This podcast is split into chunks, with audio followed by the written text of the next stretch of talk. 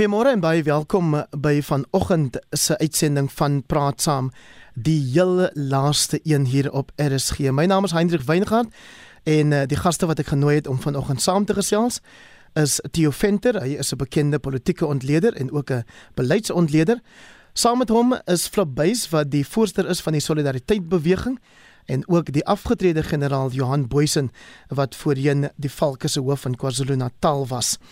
Ons praat hier aan die begin of met die aanvang van die maand waarin Vryheidsdag gevier word oor of Suid-Afrika die afgelope 28 jaar 'n land geword het van vryhede sonder verantwoordelikhede en aksies sonder gevolge.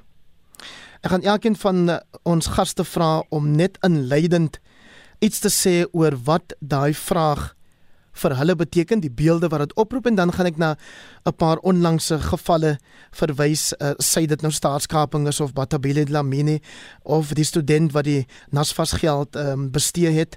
Um, of net gewoon jou buurman wat besluit hy kan sy rommel oor die kant die straat strooi sonder om uh, stort liewer sonder om uh, bekommerd te wees oor wie dit dan uiteindelik moet verwyder indien die plaaslike raad nog sulke dienste verrig. So kom ons begin met jou dan asseblief Theo.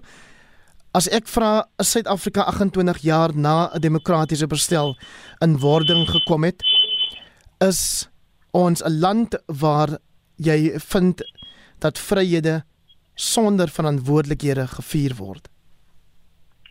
Heinrich vir my is dit 'n baie gewende prentjie hierdie. Dit is nie uh absoluut na die een kant of absoluut na die ander kant nie. Ehm uh, die blote feit dat ons dit vanoggend op 'n radiostasie kan bespreek wat tegnies gesproke eintlik aan die staat behoort, RSG, beteken dat daar 'n groot mate van spraakvryheid is wat saam met 'n klomp ander vryhede gaan.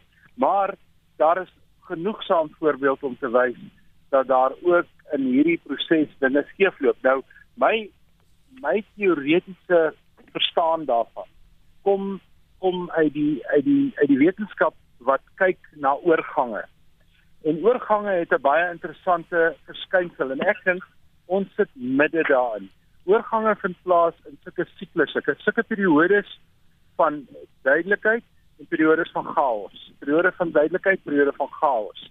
Nou hierdie hierdie siklusse kan kleiner of groter wees. Dit kan byvoorbeeld in die polisie wees dan is dit chaos maar dit kan in ander departemente of in ander dele van die samelewing wees waar mense sê dit was nog nooit beter as nou nie. Dis hoekom ek sê dis 'n gemengde prentjie. Nou een van die interessante verskynsels van hierdie siklusse wat gevolg word, is wanneer die siklus op sy onduidelikste is, wanneer daar chaos uitbreek, wanneer mense sê die land is om nou dit uh, rustig en kalm te sê ek staan in die Noord-Kaap terwyl ek met jou praat, hulle sou dit hier so gesê het, die land is in sy kanon. Ek dink hulle sou dit sterker baie beslis. dan in daardie in daardie fase vind daar baie interessante goed plaas. Dis die fase waarin innovering plaasvind. Dis die fase waarin mense ehm um, soos flip hulle en Afriforum sê maar ons gaan dienste van ons kant beheer want die owerheid kan nie meer nie. En ons kan nie staat maak op die owerheid om hierdie dienste te lewer nie. Ons gaan op 'n manier dinge op ons eie manier moet doen. So hierdie periodes is nie noodwendig negatief nie. Dit word deur mense emosioneel baie negatief beleef, maar dit is ook periodes waarin daar groot innovasie en kreatiwiteit kan plaasvind. So my kort antwoord is ek dink dis 'n gemengde prentjie eerder as 'n absolute prentjie. Johan Boysen as iemand wat vir 40 jaar eers gehelp het om wet en orde te handhaaf en toe veiligheid en sekuriteit as prioriteit gehad het in jou tweede helfte van jou loopbaan van 40 jaar. Hoe kyk jy na hierdie landskap wat nou deur Theo geskets het van geskets is vanuit 'n kan ek maar sê politieke konteks? Ek sê net om sommer te stem. Ehm um, ek dink ons sit in die middel van die van die prentjie. Ehm um, ek moet egter byvoeg ek ek voel 'n bietjie onrustig. Uh gegeewe verwikkelinge die laaste paar jaar by die nasionale vervolgingsgesag byvoorbeeld wat uh wat verantwoordelik is vir sekere vervolgings en ek het van die goed in my eie bas gevoel en ek het so onlangs as uh, twee weke terug was ek by die vervolgingsgesag gewees met hulle senior mense gaan praat en ek het uh, weer korrespondensie aan hulle gerig. Ehm um, verspreidend uit my getuies by die Sondekommissie. En um, ek het 2 jaar terug al getuig daar en uh, ten opsigte van die aanklaers van hulle wandade dat tot wat dusver daaroor van gekom. So ja, um, ek ek praat sê uit uit die oogpunt van van iemand wat direk met die goed gewerk het met ja. uh, met met misdaad gewerk het en ek dink dit sluit aan by by, by die vraag wat beste planne in die wêreld maar as dit kom by die uitvoering daarvan dan dink ek is ons 'n bietjie gebrekkig. En sê jy dit nou ten spyte daarvan dat die aanstelling van advokaat Shamila Batoy as die nuwe hoof van die in vletjies en ballonne en um, so stolle gesê het Coca-Cola steens en popcorn. Ek het my getuies by die sondekommissie afgesluit uh, weer te sê dat terwyl die lakeie van die vorige faksies en verwys nou spesifiek na die Jiba faksie en die vorige uh, nasionale kommissaris Ria Piega en die vorige uh, hoof van die van die Valke Bernie Clemetsa terwyl van hulle lakeie wat hulle aangestel aangestel het tydens hulle uh, uh, ampte daar. En gaan daardie mense wat daar is die, die pogings van uh, en ek nou praat van advokaat Batoy gaan hulle haar pogings probeer ondermyn en ek sien dit daagliks en daar is sake in in in in Gauteng byvoorbeeld wat ons sien in die die eh uh, provinsiale direkteur van uh, openbare vervolging. Sekere sake wat in in hof moes gewees het het hy het hy om daardie sake weer terug te kry op die rol. En ek is oortuig daarvan dat daar is daar's 'n groep aanklaers binne die nasionale vervolgingsgesag wat die pogings van Shamila betoon Flipbys, jy bevind jouself in die vakbond wese vakbond wêreld, maar terselfdertyd ook in eh, die ruimte van burgerlike organisasies of noem net mense deesdae burgerlike politiek. Daarvan het jou vertrekpunt oogpunt, hoe lyk dinge vir jou 28 jaar na ehm um, ons in April 94 vir die eerste keer almal na die stembus toe is? Kyk Hendrik, daar's baie beslis rede vir kommer. Ons sien uh op baie plekke baie lelike tekens van wetteloosheid in Suid-Afrika. En uh in die eerste plek is dan die belangrikste wat ons weet is die wetteloosheid wat ons in regerende kringe gesien het. Ons weet almal van die Sonderkommissie van die uh, uh spesiale ondersoekeenheid se verslag wat skrikwekkende bedrae en skrikwekkende vlakke van wetteloosheid aandui. Maar dit is net aan die topkringe nie. As gevolg waarskynlik as gevolg deels as gevolg van die voorbeeld wat mense daar sien, sien ons baie wetloosheid. Ons het nou in vlede jaar om Natal daai bekende voorbeeld gesien. Maar as elke dag is daar so tipe van 'n uh, eh, onrus of 'n optrede, uh taxi geweld, mense wat ehm uh, weet ontwrigtings doen, ander mense se regte dan ehm um, nie en ag nee nie as hulle dan hulle eie protesbewegings dan uitvoer, maar soos jy ook sê, dat mense wat nie by 'n stopstraat stop nie, mense wat uh, hulle vulle sou sommer hier in die veld weggooi. So dit is ongelukkig sien jy dit. Dan ehm um, ek dink onderliggend ook ons het nou nou verwys na Shamila Patoy, maar sy het reeds in 2019 het sy gesê dat die strafregstelsel is 'n krisis dat daar is nie uh, die vervolgingskoerse is nie uh, hoog genoeg nie uh, sy was bekommerd oor die bevindingskoerse dat ons kan nou baie praat oor die oor die redes daarvoor maar uh, daar is baie beslis 'n probleem in Suid-Afrika. Daar is ook oor daar is ook ligpunte waaroor ons nou net kan praat maar in die, in die breë sit ons met 'n probleem van wetteloosheid in die land Die stem van Flip Buys, hy is die voorsteur van die Solidariteit Beweging en saam met hom vanoggend hier op praat saam Theo Venter, bekende politieke en beleidsontleder en ook die afgetrede generaal Johan Boysen wat voorheen hoof van die Valke was in KwaZulu-Natal.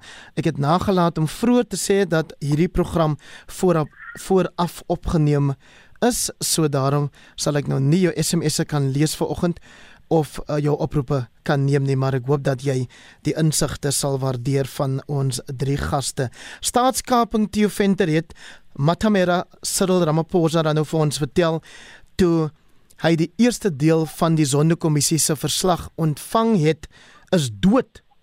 En nou sê Johan Boysen vir ons vroeër daar is nog wat noem mense tog nou vir vertakkings of goeters of agente selfs as ek daai woord nou mag gebruik van daai onaakligheid uh, of aakligheid wat ons ervaar het in sê nou maar die nasionale vervolgingsgesag omgewing steeds te bespeer. Wel, ons weet nou 'n paar goed van staatskaping na dese in een van die dae met die finale verslag van die Sonderkommissie sal ons waarskynlik nou alles weet wat hulle op skrif kon stel en dit is dat staatskaping begin het voor Jacob Zuma. Maar dat Jacob Zuma dit vervolmaak het in sy in sy termyn as president het dit ehm um, het dit absoluut hoogtyd gevier en ehm um, die staatskapingsproses of dan prosesse van staatskaping het nie heeltemal opgehou nie want daar is nie 'n volledige ehm um, beheer oor al hierdie vertakkings nie en daar is natuurlik institusionele prosesse wat staatskaping moontlik maak. Ek dink byvoorbeeld aan tenderprosesse wat nou tydelik gestaak is. Ek dink byvoorbeeld aan die plasing van van ehm um, partylede in poste, sogenaamde cadre deployment. Al hierdie faktore, as jy dit so saam in 'n mandjie sit, dan besef jy dat staatskaping in 'n groot mate die uitkoms daarvan was. En een van die groot ehm um, prosesse wat hier skeef geloop het, was natuurlik dat ehm um, die leierskap van die ANC. Hulle aan hulle neuse laat rondlei het deur mense buite die regering. Want as mens mooi na die definisie van staatskaping kyk, en dis 'n definisie wat ons oorgeneem het uit Oos-Europa uit waar die oligarge wat destyds oorgeneem het na die val van die Berlynse muur hulle is natuurlik nou weer in die nuus maar vir 'n ander rede het hulle eintlik regerings begin voorskryf hulle het eintlik beleid van buite af gemaak en die die demokratiese sonde aan staatskaping is hierdie individue groepe mense maatskappye het geen demokratiese verkose mandaat om te doen wat hulle doen nie. Hulle het 'n kommersiële of 'n finansiële aanmoediging en 'n en 'n verryking daarvan. En ek dink dis 'n siekte wat die ANC deurstek het. En een van die dilemma's wat ons het in die 28 jaar waarvan ons nou praat, is dat die ANC al die kenmerke oor tyd opgeneem het en uitgeoefen het wat mens aan 'n dominante een party stelsel sou kon koppel en dit is 'n stelsel waar een party altyd wen en waar die oppositiepartye alhoewel hulle demokraties deelneem baie min kans het om eintlik oor te neem. Daardie proses in Suid-Afrika lyk vir my is besig om te verander, stadig maar seker, maar ek sou sê vir die eerste 20 24 jaar van Suid-Afrika se bestaan was die ANC sonder teenspraak nêrens.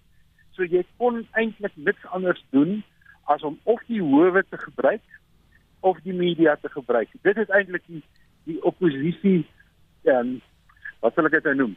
Ehm um, instellings geword anders as oppositiepartye. Maar stadig maar seker dink ek is dit besig om te verander. Ons moet net onthou dat die die skepping van staatskaping of die ontstaan van staatskaping het baie diep netwerke gevestig en daai netwerke word nie net verander as jy een nuwe uh direkteur-generaal bo aanstel nie. Ehm um, ek dink ehm um, Johan het net nou genoem dat daar onder direkteursvlak en adjunkdirekteursvlak en op die vlakke aangestel, hulle gaan nog steeds voort. Dit is baie moeiliker om van hulle ontslae te raak as jou topamptenare. Kyk met die hoof van die polisie. Dit het van dat die storie rigbaar geword het dat Kegas Sitole moet loop. Ek dink dit het 5 maande geduur en dit het nou uiteindelik geloop. Nou dit is moontlik om van 'n DG ontslae te raak binne 'n sekere tydperk, maar dit is baie baie moeilik om van gewone middelvlak en senior vlak amptenare ontslae te raak en as 'n mens nou na regerings kyk, hoe regerings werk, dan is dit waar beleid uitgevoer word. Laar af van die birokrasie die amptenare wat dit eenvoudig doen soos dit nog altyd gedoen is. En daar het slegte gewoontes is daar aangeleer. Dit gaan 'n tyd vat om dit te verander.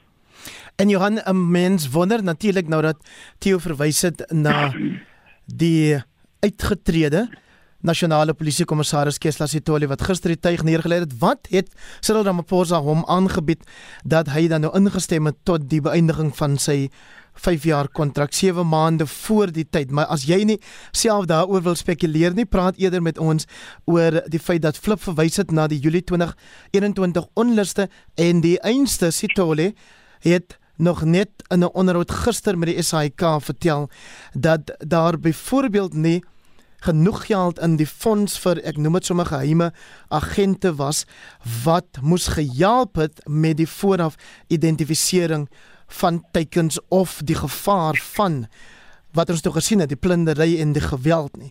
En en hy was hy daarmee soort van sy hande as nasionale kommissaris Hendrik ja um, denk, ek self na die onderhoud geluister met eh uh, generaal Kessler Victoria en ek vind sy verwysing na die die gebruik van die geheime fonds uh, effe vreemd aangesien die geheime fonds vir totaal ander uh, uh, ondersoeke uh, gebruik word gewoonlik. Uh, tydens die onluste was dit duidelik dat daar 'n duidelike gebrek was aan intelligensie. En ek skryf dit toe aan die uh, aan aan die uh, politieke magspel binne in die die misdaadintelligensie eenheid. Daar's nog steeds faksies. Die sade uh, probleem by die wat ons het by die vervolgingsgesag uh, en in uh, in die, in die polisie en ander instellings binne in misdaadintelligensie is daar ook twee faksies ek verwys na die die ou Glooly faksie die uh, die generaal wat in die tronk sit. Ehm um, kom van die reste van die mense wat hy destyds aangestel het. Ehm um, maar hulle is nog steeds daar en hulle is vir hulle gaan dit om oorlewing. So jy misdaad intelligensie en ek, ek verwys baie keer sommer na hulle is um, mis misdaad wat beperk. Hulle is sommige van hulle self besig met met, met misdaad en die blote feit dat die vorige hoof van misdaadintelligensie in tronk sit uh, is 'n bewys daarvan. En ehm um, ons ondervind op 'n da daaglikse uh, grondslag dat uh, misdaadintelligensie lede in stede dat hulle betrokke is by insameling van inligting vir vir vir, uh, vir polisie ondersoeke dat hulle daadwerklik betrokke is by misdaad self. So dit is duidelik my tydens daardie onderste dat misdaadintelligensie ehm um, was glad nie aan boord gewees nie en en die rede daarvoor die die antwoord daarvoor is voor die hand liggend. Ehm um, en as hulle dan intelligensie gehad het en hulle het dit vir die uh, sigbare polisieering uh, mense gegee, wel dan het die sigbare polisieering in gebreke gebly om om hulle mandaat uit te voer. Flip gepraat van aksies sonder gevolge. Dit is so dat die Sandy Africa paneel, uh, professor Sandy Africa se paneel wat ondersoek moes doen na wat dan nou verkeerd geloop het of wat die slaggate was die die foute was wat gemaak is met daai onluste baie pertinent ook die faksie gevegte binne die ANC daar gestel het as een van die primêre oorsake het jy vir Cyril Ramaphosa of enige senior ANC leier tot nou hoor sê ons vra daarvoor verskoning ons aanvaar deels verantwoordelikheid vir wat gebeur het Nee, Heinrich, hulle het nie en, en dit is juist die probleem. Die gebrek aan verantwoordelikheid, die gebrek aan gevolge kom van heel bo af. En daardie kultuur, daai kultuur van wetteloosheid as ek dit so kan noem, syfer dan heeltemal verstandaardeer tot op grondslag. Ons sit met hoeveel straflose misdade wat hier al in Suid-Afrika gepleeg is wat almal van weet. Mense weet hierdie skuldiges in die meeste van die gevalle of die klaarblydelike skuldiges is al uh, hoeveel keer geïdentifiseer en dan vat dit geweldig lank voor daardie mense dan vervolg word en voor hulle aangekla word. So ons het 'n kultuur in hierdie land wat moet verander en dit kan net verander die internasionale voorbeelde in ander lande in Oos-Europa, lande soos Kenia het gewys dat jy moet hierdie kultuur verander van die bokant af. Baie interessant uh, as jy kyk wat byvoorbeeld in 'n uh, land soos Kanada gebeur het in 1969 Montreal word vandag nog voorgehou as 'n baie belangrike voorbeeld van wat gebeur die wettelose wat gebeur.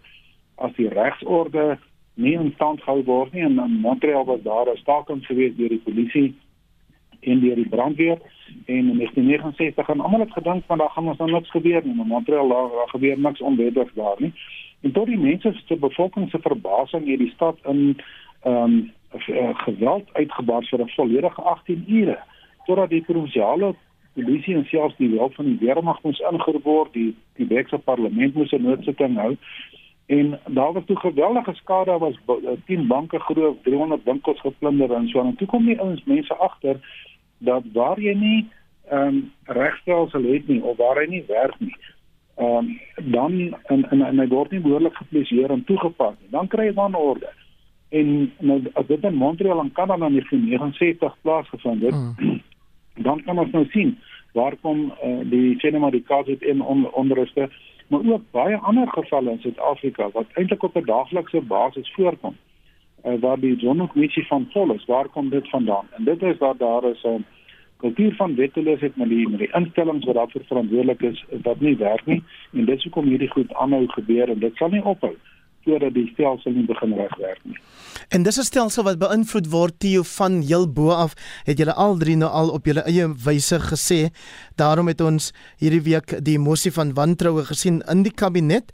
Ehm um, daar sou ook een gewees het natuurlik in die president self apart, maar die is daar nie voorgestem nie wel die een oor die kabinet maar daar die regering natuurlik of liewer die ANC hulle meerderheid gebruik om seker te maak dat die kabinet in in in plek bly en iemand soos Dr Pieter Mulder het in elk geval sy somme gemaak en gesê as jy nou daai um, kabinet moes verwyder en sê hulle mag nou nie stem vir hierdie mosie van wantroue nie dan sou daar dalk 'n beter kans gewees het om uh, daai mosie deurgevoer te kry. Maar dit nou 'n mond vol om eintlik maar net by die punt te kom dat dieselfde kabinet dieselfde regering het oor 'n gebeurtenis nou daar in daai deel van Europa wat jy vroeër as Oos-Europa na verwys het Daar is 'n oorlog aan die gang en dit is vir ons almal baie duidelik wie die aggressor is, maar jy kry net nie die ANC of die Ramaphosa regering sover om dit oor hulle lippe te kry nie. Nee, dit is dit is vir my persoonlik 'n baie groot teleurstelling dat hulle dat hulle twee dinge probeer doen. Hulle probeer sê dat hulle fasiliteeringsrol wil speel in 'n oorlog en dan wanneer jy dit wil doen, uh ek bedoel dit is um, dit, jy hoef nie jy hoef nie 'n uh, uh pionier te wees as die mense sê om te weet. As jy 'n fasiliteerder wil wees dan moet jy die vertroue van beide kante hê. Jy kan nie net een kant um een ding om die bek sneer en dink die ander kant gaan by verstek um jou aanvaar as 'n soort van 'n middelganger. Nie so ek dink nie dit was ooit die geval nie maar die ANC op die oomblik net soos wat Johan gesê het oor sekere amptenare binne in die polisie en sekere mense binne in die in die regsorde. Die ANC is in 'n oorlewingsstryd gewikkeld. Die ANC weet baie goed dat ehm um, vir hom lyk dinge nie baie goed nie. Daar is 'n verkiesing wat 2 jaar van hier af is. Daar is plaaslike owerhede wat nie van die grond af kom nie. Daar is ehm um, die regstelling in sekere provinsiale strukture wat nie regkom nie. Daar is ehm um, verkiesings op provinsiale vlak vir leierskap sodat hulle 'n konferensie kan hou in Desember wat nie van die grond af kom nie. Ek dink die ANC sit met 'n geweldige krisis en wanneer 'n politieke party dit ervaar, hierdie soort krisis, ons het dit al van tevore in die geskiedenis gesien. Wat hulle dan doen is um, hulle hulle maak hulle maak hulle self toe. Die Engelse uitdrukking by closing the ranks. So hulle gaan in 'n selfverdedigingsmodus in En dit is wat ons gesien het met uh, die parlementêre prosesse die afgelope week. Ons het dit op 'n paar ander plekke ook al gesien. Ons het dit met die Kandla gesien dat die ANC geweet het dat daar is radikaal fout in die stelsel, dat daar groot probleme is met die president en dat die president in alle opsigte hier eintlik die grondwet minag. Maar ter ten spyte ter wille van hulle eie oorlewing het hulle hierdie opstemming gehou. Nou ek wil dit nie goed praat nie. Mens kan nie. Maar dis nie 'n vreemde verskynsel nie. Ehm um, dink 'n bietjie wat die Republikeinse party gedoen het twee maal toe Donald Trump twee keer eintlik in 'n in 'n staat van beskuldiging geplaas is. Dit het natuurlik nie een keer geslaag nie, want hulle kon nie die die volstrekte meerderheid kry wat hulle nodig gehad het in terme van die Amerikaanse grondwet nie, maar wat die partye gedoen het, hulle het eenvoudig ehm um, na binne toe gewerk en gesê ter wille van die party moet ons dit nou doen. En dit is in Suid-Afrika op hierdie stadium 'n baie groot probleem want te, as ons 'n uh, mislukkende staat is. Ek sê die mislukkende in aanhalingstekens want ek hou nie van die term 'n mislukte staat nie. Ek dink daar is 'n ideologiese um, onderrok wat daar uithang. Maar as daar elemente daarvan is, dan het jy nodig om los te breek uit die dogma uit jy het nodig om los te breek uit die ideologie uit. Wat ons moet die Oekraïne sien om terug te kom by jou vraag, ons sien 'n teruggryp na die dogma, ons sien 'n teruggryp na die ideologie. Dit is 'n teken van 'n organisasie in hierdie geval 'n politieke party wat eintlik nie 'n idee het waantoe hy op pad is nie. Wat hy nou het is die goeders wat geskryf is en die goed wat hy gewoond is om te doen en dis al wat hy het. Sy vermoë om op meriete te funksioneer nou is op 'n baie lae vlak. Jy luister na Praat saam vanoggend saam met my Hendrik Weingart. Dit is dan ook soos julle sekerlik teen hierdie tyd weet, die heel laaste keer dat die program uitgesaai word, maar ons maak seker daarvan dat jy steeds genoeg pitkos sal kry, genoeg meningsstandpunte, interpretasies om te herkou en natuurlik dit op te weeg teen jou eie siening van hoe sake in ons land staan 28 jaar na 'n uh, eh, demokratiese bestel uh, hier ehm, 'n um, werklikheid geword het. En ons vra vanoggend die vraag hier op praat saam het ons by die punt gekom waar jy na ons samelewing ons land kan verwys as een waar mense vryhede het sonder dat hulle verantwoordelikheid vir enigiets hoef te neem dat hulle enige aksies kan pleeg sonder dat daar gevolge is indien dit verkeerd is. Johan Boysene is die voormalige hoof van die Valke in KwaZulu-Natal saam met hom Theo Venter, 'n bekende politieke en beleidsontleder en dan ook Flip Buys wat die voorsteur is van die Solidariteit Beweging. Kom ons fokus nou julle op die burgerlike samelewing en die se rol, die se verantwoordelikhede. Johan, ek begin met jou deur te vra Het jy ook gedink die straf van 5 jaar tronkstraf vir Sibongile Mani, die student van die Walter Sisulu Universiteit wat 800 000 rand aan leksiere bestee het nadat die nasionale studentefinansieringsstelsel ehm, um, wat dit fonds uh verkeerdelik 14 miljoen rand in haar rekening gedeponeer het. Heinrich, ja, ek wil die straf is in lyn met uh, soortgelyke misdade wat, wat van tevore gepleeg is. So uh, ek dink nie daar's iets snaaks in aan die aan die 5 jaar tronkstraf nie. Ehm um, sy sal in elk geval in alle waarskynlikheid uh, nie eens 'n derde da daarvan sit nie. So ja, ek en sy sal as dit is kan klaarmaak op binne. ek ek het nie gehoor nie, Heinrich. Nee, ek spot sommer ek sê en sy sal ook haar studies kan klaarmaak binne. In alle waarskynlikheid ja. As ek eh, eh, die die straf op sigself uh, is is in lyn met vorige strawwe vir soortgelyke uh, misdade. Kom ons praat dan oor die oor wat wat staan jou te doen as jy op 'n dag sien hier word hierdie verskriklike wel dit hoef nie een so groot bedrag geld te wees nie, maar hier word geld hier verskyn geld op jou bank staat of jy kry een van hierdie kennisgewings van jou bank op jou selfoon en jy weet nie waar dit vandaan kom nie, maar jy weet beslis dit kom jou nie toe nie. Johan? Wel, Heinrich, as ek in die straat afloop en ek sien daar lê 10 rand noot en ek stel die 10 rand noot op uh, wat staan met te doen. Ehm um, jy druk jy ding in jou sak en tegnies pleeg jy dalk diefstal. Uh, maar ek dink as daar so 'n tipe bedrag in jou uh, bankrekening inbetaal word, ek dink enige ek meen sy sy's nie onkundig nie, sy's 'n student by universiteit. Sy moes geweet het daar's iets verkeerd. Ehm um, sy kan nie totaal sê sy is totaal onskuldig. Sy het nie geweet wat aangaan nie en sy het maar die geld gebruik nie. Sy het geweet die oomblik toe sy die geld gebruik, dis nie haar geld nie. As so 'n bedrag in my rekening inbetaal word, sal ek dadelik my bankkonto kan vra wat gaan nie aan, hoe het hierdie bedrag in my rekening ingekom en ek sal by die instansie dan wat dit inbetaal het, hulle navraag doen, maar jy kan nie goed smoets net geld gebruik wat hmm. joune is nie. Dit is diefstal. So was ek uh, onlangs, ekskuus Johan, wou jy byvoeg? Nee nee, uh, ek is klaar met daardie punt gewees Andri. Ek hoor 'n gefluit in die agtergrond by een van julle, julle dalk 'n papegaai daar wat saam uh, wil praat vir oggend een van julle. Ehm um, so uh, flip ek herinner my self en ek vertel ja. Ekskuus, uh, wou iemand iets sê?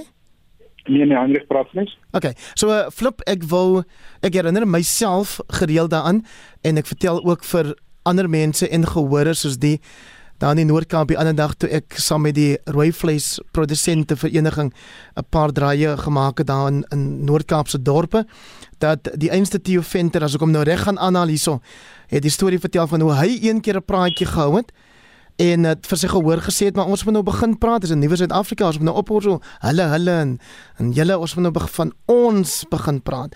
En dat een oomie nou blykbaar gesê is uh, uh, jy weet as ons nou die dag as ons die dag sal ophou om van ons vee te steel dan kan ons net dalk jy weet nou makliker en meer um, daai daai versamelnaam gebruik. Maar weet jy wat dit vir my was dit nou nogals ehm, 'n um, skok gewees toe ek op daai toer hoor dat jy met jou nie verbeel flip dat vee diefstal net plaasvind waar ek en 'n paar pelle nou besluit ons gaan vanaand in daai land met 'n bakkie of 'n kar en ons druk jy in die kattebak twee skape nie. Heel dikwels is dit buurman se vee wat oor die straat stap of oor wel oor die teerpad stap of wat in my kraal beland en dan besluit ek net maar dis nou myne. Daar's nie 'n 10 rand ja. optel langs die pad nie. Andries nee, dit is baie dis 'n probleem. En dis hoekom ek sê die uh, uitdaging uh, Gerry Nel van Afriforum se privaat ver, vervolgingseenheid. Hy sê nou die dag maar 'n baie belangrike ding. Hy sê wat ons nodig het in die land is nie swaarder strawe nie, maar regsekerheid. Wat hy bedoel is jy gaan nou nie sê jy gaan nie misdaad pleeg raai bees hou wat jy van praat as jy nou gaan uh, weet 18 maande kry in plaas van 20 maande, jy weet. So hy sê ons het regsekerheid nodig. Dit beteken dat die hele regstelsel moet werk, maar die regstelsel funksioneer binne die raamwerk van 'n samelewing met sekere waardes. En dit is waar die uitdaging is. Wat jy nou daar die voorbeeld wat jy daar uitlig. Nou die instellings wat waardes oordra aan 'n samelewing is feitelik almal onder druk. Dit is die gesin, dit is die media, dit is die portuïergroep, dit is die skool, uh, dit is die uh, verskillende kerke, dit is die regering en en hierdie instellings wat soos ek sê wat waardes oordra wanneer uh, uh, hulle sukkel om waardes oor te dra of selfs verkeerde waardes oordra dan kry jy 'n samelewing wat nettertyd al hoe meer ehm um, wetteloos wetteloos word. So mense moet by die instellings begin dat waardes oordra sodat daai gedragskompas sodat jy nie net ehm uh, nie roekeloos bestuur as jy as as jy weet jy's nie 'n polisieman nie, maar dat jy dat jy die regte ding doen omdat dit die regte ding is, nie omdat die wet dit vir jou sê of om daar 'n polisieman om die om die hoek staan nie. En en dit is uiteindelik waarom mense moet uitkom maar die waardes wat in 'n samelewing is, dit dra eintlik die die strafregstelsel want die reg is eintlik gebaseer op uitsonderings. Met ander woorde, as as almal van vandag begin in die in die in die stad of in 'n dorp begin in plaas van 60 km/h, almal begin sê net maar 120 km/h ry, dan kan die die wet kan maar sê wat hy wil, maar dan is eintlik die nuwe reg tussen aanhalingstekens is dan 120 km/h. En en dit is wat in Suid-Afrika gebeur omdat die strafregstelsel uh van bo tot onder die hele ketting van gebeure van skakels in die strafregstelsel omdat dit nie meer doeltreffend werk nie. Begin mense nader aan die uitsondering word nou die reël en dis hoekom mense op alle vlakke begin met uh, onwettige optrede en hulle hulle verwag eintlik dat hulle daarmee gaan wegkom en hulle steur nie meer daarmee.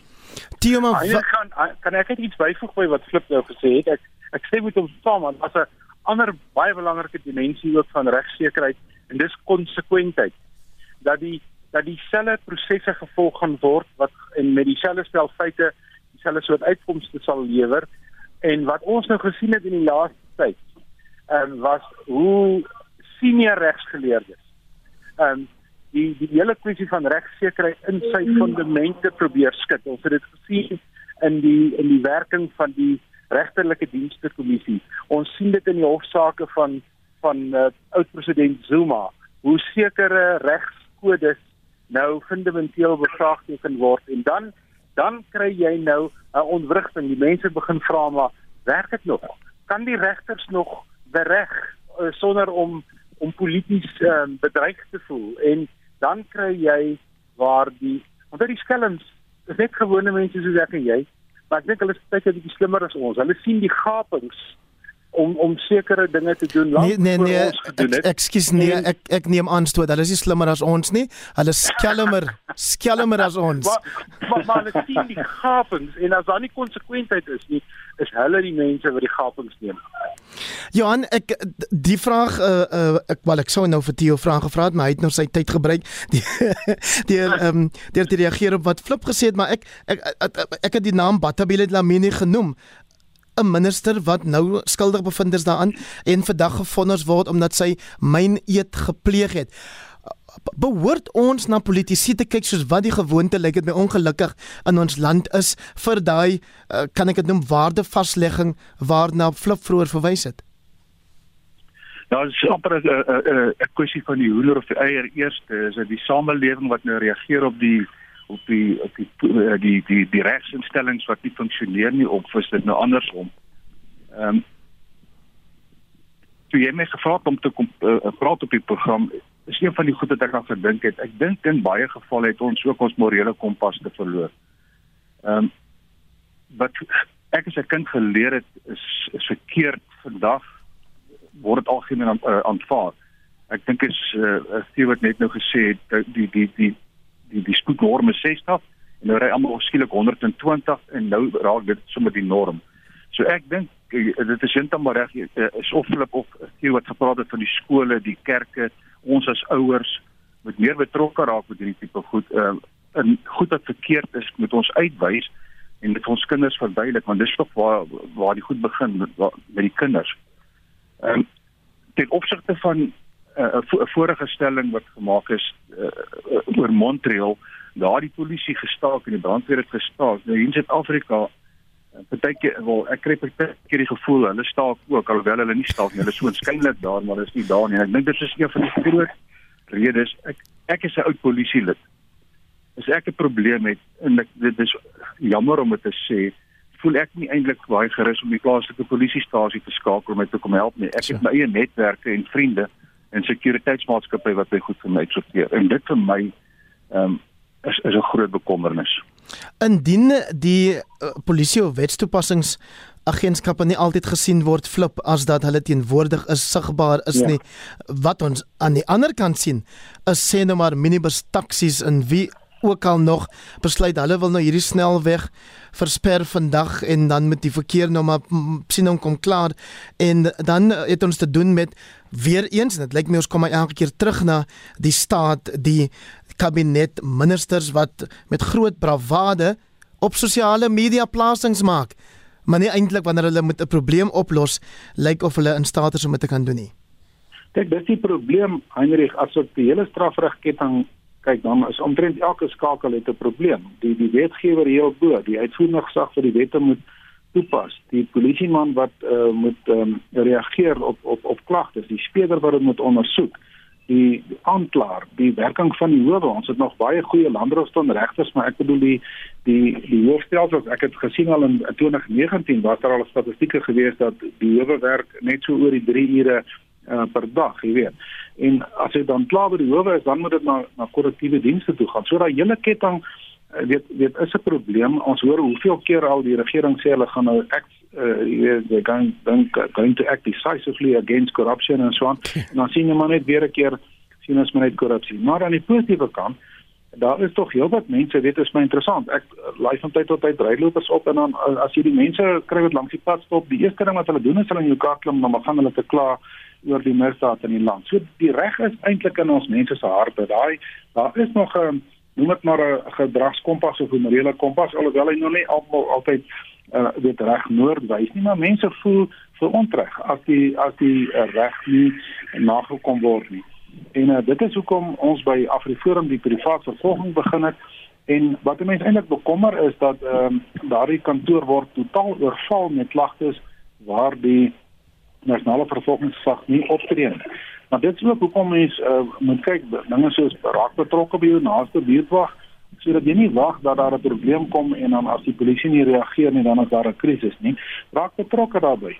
Dit is ook hoekom solidariteit sulke projekte aan die gang is soos nou om die groot staatskapers, die plunderaars aan te kla om om dat die nasionale vervolgingsgesag uh, so lood in die voete het. Weet dit mense kan nie net dat hierdie mense wegkom dat hulle groot maatskappye soos Termel en soos Eskom en so aan bykans teen die grond gesteel het en hulle kom weg daarmee. Dan skep jy 'n kultuur in die land van weteloosheid en dan is dan nie regsekerheid nie. Mense weet hulle hulle tree op en hulle kan daarmee wegkom en dan vererger die probleme en dan uiteindelik kry dan so 'n kultuur van weteloosheid dat jy dan 'n situasie kry soos wat ons verlede jaar in KZN gesien het. So ek dink die die die oplossing is begin by jouself. Sorg dat jy optree in terme van die norme waarmee jy groot gemaak is, wat jy weet wat wat reg is en uh, sorg dat jy betrokke raak by hierdie instellings wat dan uh soos ek nou ek noem nou die voorbeeld van die uh, van die van die dierwagte maar sorg ook dat 'n mens moet bly aandring. Mens kan nie dat die staat net daarmee wegkom nie. En ook as mense in die private sektor oortree, ons het groot um, enkele groot korporatiewe skandale gehad. Moet mense wat op pensioenfondse is, moet hulle daarteen uh, optree. Hulle moet aandring dat mense moet siviel dan vervolg word as hulle nie strafregtelik dan voorstel gekry word nie. Johan, hoe reageer jy en ek sal nou weer by Theo uitkom. Hoe reageer jy daarop as mense hierdie vergelykings maak deur byvoorbeeld te sê, "Ey, moenie nou vir ons kom vertel dat daar wet en orde in die verlede was nie. Dit was 'n militêre verdrukkende staat wat die meerderheid inwoners te nagekom het en as jy veilig gevoel het, dan was jy maar seker deel van die uitverkore volk. Die res van ons moes laat spaander dit voor daai Kaspers en vangwaans en wat dit ook al mag gewees het wat die staat toegebruik het om sogenaamd wet en orde toe te pas. Ja, so 'n bietjie gelaaide vraag, Hendrik. Maar ehm um, wat ek dink met bitter min mense besef, ehm um, in in die meer gegoede stede of of in in die stede en in in in uh die meer gegoede gebiede, daar is misdaad, daar's voertuigkapings, daar is uh, huisbrake en dis weer maar ek kan vir jou verseker Heinrich en jou Kailichas en jou Vosloriste jou Oblasies die misdaad daar is baie baie hoër as as, as in daardie gebiede. So ehm um, daardie mense voel dit aan hulle bas. Hulle voel die misdaad. Hulle word beroof hulle word gesteel so ek dink ek dink nie meer daar is daardie gevoel van soos wat jy nou dit nou uh, uh, beskryf het nie ek dink wit swart brein ons almal voel misdaad aan die baas. En uh, dit is vroeër gemeld dat is, uh, ek dink dit is uh, flip het gesê dit sê uh, iemand optel en iemand praat met hom in die kar. En ek maak gereeld die stelling as ons net van korrupsie en misdaad en ek verwys hier spesifiek na geweldsmisdaad as ons net dit onder beheer kan bring in ons land dan dan sien ek 'n baie blink toekoms vir ons land. Ehm um, Ja, hulle kan my wasgoed vir my wasgoed bring of steel die die die, die assuransie gaan dit betaal en hulle kan my groot skerm TV kom steel as ek nie hier is nie. Maar as jy geweldsmisdaad, die verkrachtings, die moorde, die die, die rowe en dan die korrupsie. Ek ek, ek beskou korrupsie as die grootste van al die ewels. Want al hierdie geld wat oor oor oor uh, die laaste 10 jaar gesteel is uit instellings soos Denel, uh, Eskom, SAA as jy net dink hoeveel skole uh, en klinieke en en en 'n huise gebou kon geword het vir die, vir die armes met daardie geld. So die goed loop hand in hand. Tio, en as jy nou soort van opsommend vir ons net kan sê, jy weet, is dit 'n geleide vraag as ek dan nou vra is ons by daai punt waar ons 'n samelewing 'n land geword het wat beskryf kan word as een waar mense hulle vryhede geniet daarop aandring sonder dat hulle reken hulle verantwoordelikheid vir enigiets aanvaar en dat hulle aksies glo hulle geen gevolge sal dra nie. Wel, as die as die reg, ons het nou baie gefokus op die reg. As die reg nie konsekwent toegepas word nie, dan skep ons eintlik die omgewing vir so 'n soort ehm um, scenario om homself te ontplooi. Maar ek dink tog dit is moontlik om om te verander en daar is 'n aanhaling wat sê dat ehm um, as iets verkeerd is, ehm um, dan is dit gewoonlik ergens bo aan die bokant. Ehm um, uh die Engelse aanhaling is it's always on top. So die die probleme en ek dink ehm um, Flip het daarna verwys. Hierdie probleme word van bo af reggestel. Hierdie probleem word reggestel as die president verantwoordelikheid neem vir sekere goed en nie wegkruip agter prosesse nie. Wanneer Batabile Dlamini skuldig bevind word, dan beteken dit sy loop self. Dan weet ons iets verander. Maar om nou in 'n proses betrokke te raak om uiteindelik te besluit of die op sy staan reël wat die ANC self gemaak het ja. op haar van toepassing is. Dis waar ons dis waar ons wiele begin gly en ek dink dit is waar leierskap hierdie probleem is 'n leierskapsprobleem en hierdie probleem lê ten nouste by ons regerende partye en as hulle nie die regstelling kan maak nie wil ek die voorspelling maak sal jy sien toenemend gaan daar uit gemeenskappe uit mense na vore kom organisasies na vore kom wat sê ons kan nie so aangaan nie mense gaan tot op 'n punt en dan dan dan dan tree hulle natuurlike uh, gevoel vir wat is reg en wat is verkeerd tree dan baie sterk na vore. Ek gaan vir julle elkeen 'n geleentheid gee om vir my soos dan regtig net in een sin te kan sê, wat gee vir julle hoop dis nie teenstaande al hierdie goed waaroor ons gepraat het wat 'n mens goeie rede gee om so mismoedig te wees. Ek wil dalk self begin deur te sê ek was nou al die jare die afgelope 5 jaar hier in Johannesburg 'n leeu ondersteuner, selfs vroeër en ek het die ander dag vir 'n paar stormer ouens beloof toe ek hulle in die uh, in die in die slow lounge op die lughawe raak geloop het. Ek sal van April af wanneer ek terug is in die Kaap die stormers kom ondersteun.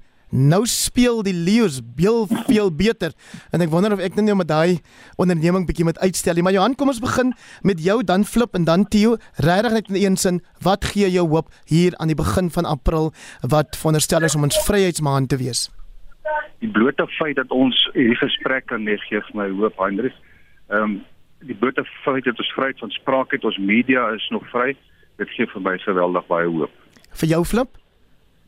Nou die feit dat mense oor die spektrum in Suid-Afrika keelvol is vir hierdie straffelose misdaad en dat hulle optrede eis en, en daarmee saam ook die feit dat daar op hoeveel vlakke organisasies is wat begin standpunt inneem en as waar die regering dit nie vervolg nie, waar hulle hierdie mense begin vervolg, dit is wat my moet gee. Tio Flip ek beweeg baie wyd oor die land en op uitnodigings en sulke dinge en wat my hoop gee is die mense. Al die mense maak nie saak in watter gemeenskap nie. Dis goeie mense in hierdie land wat nodig is dat die goeieheid, as ek dit so kan noem, dat dit bymekaar getrek word en in 'n rigting gestuur word sonder leierskap. En uh, daarmee is dit dan nou die einde van hierdie heel laaste uitsending van Praat Saam vanoggend. Baie baie dankie aan my gaste.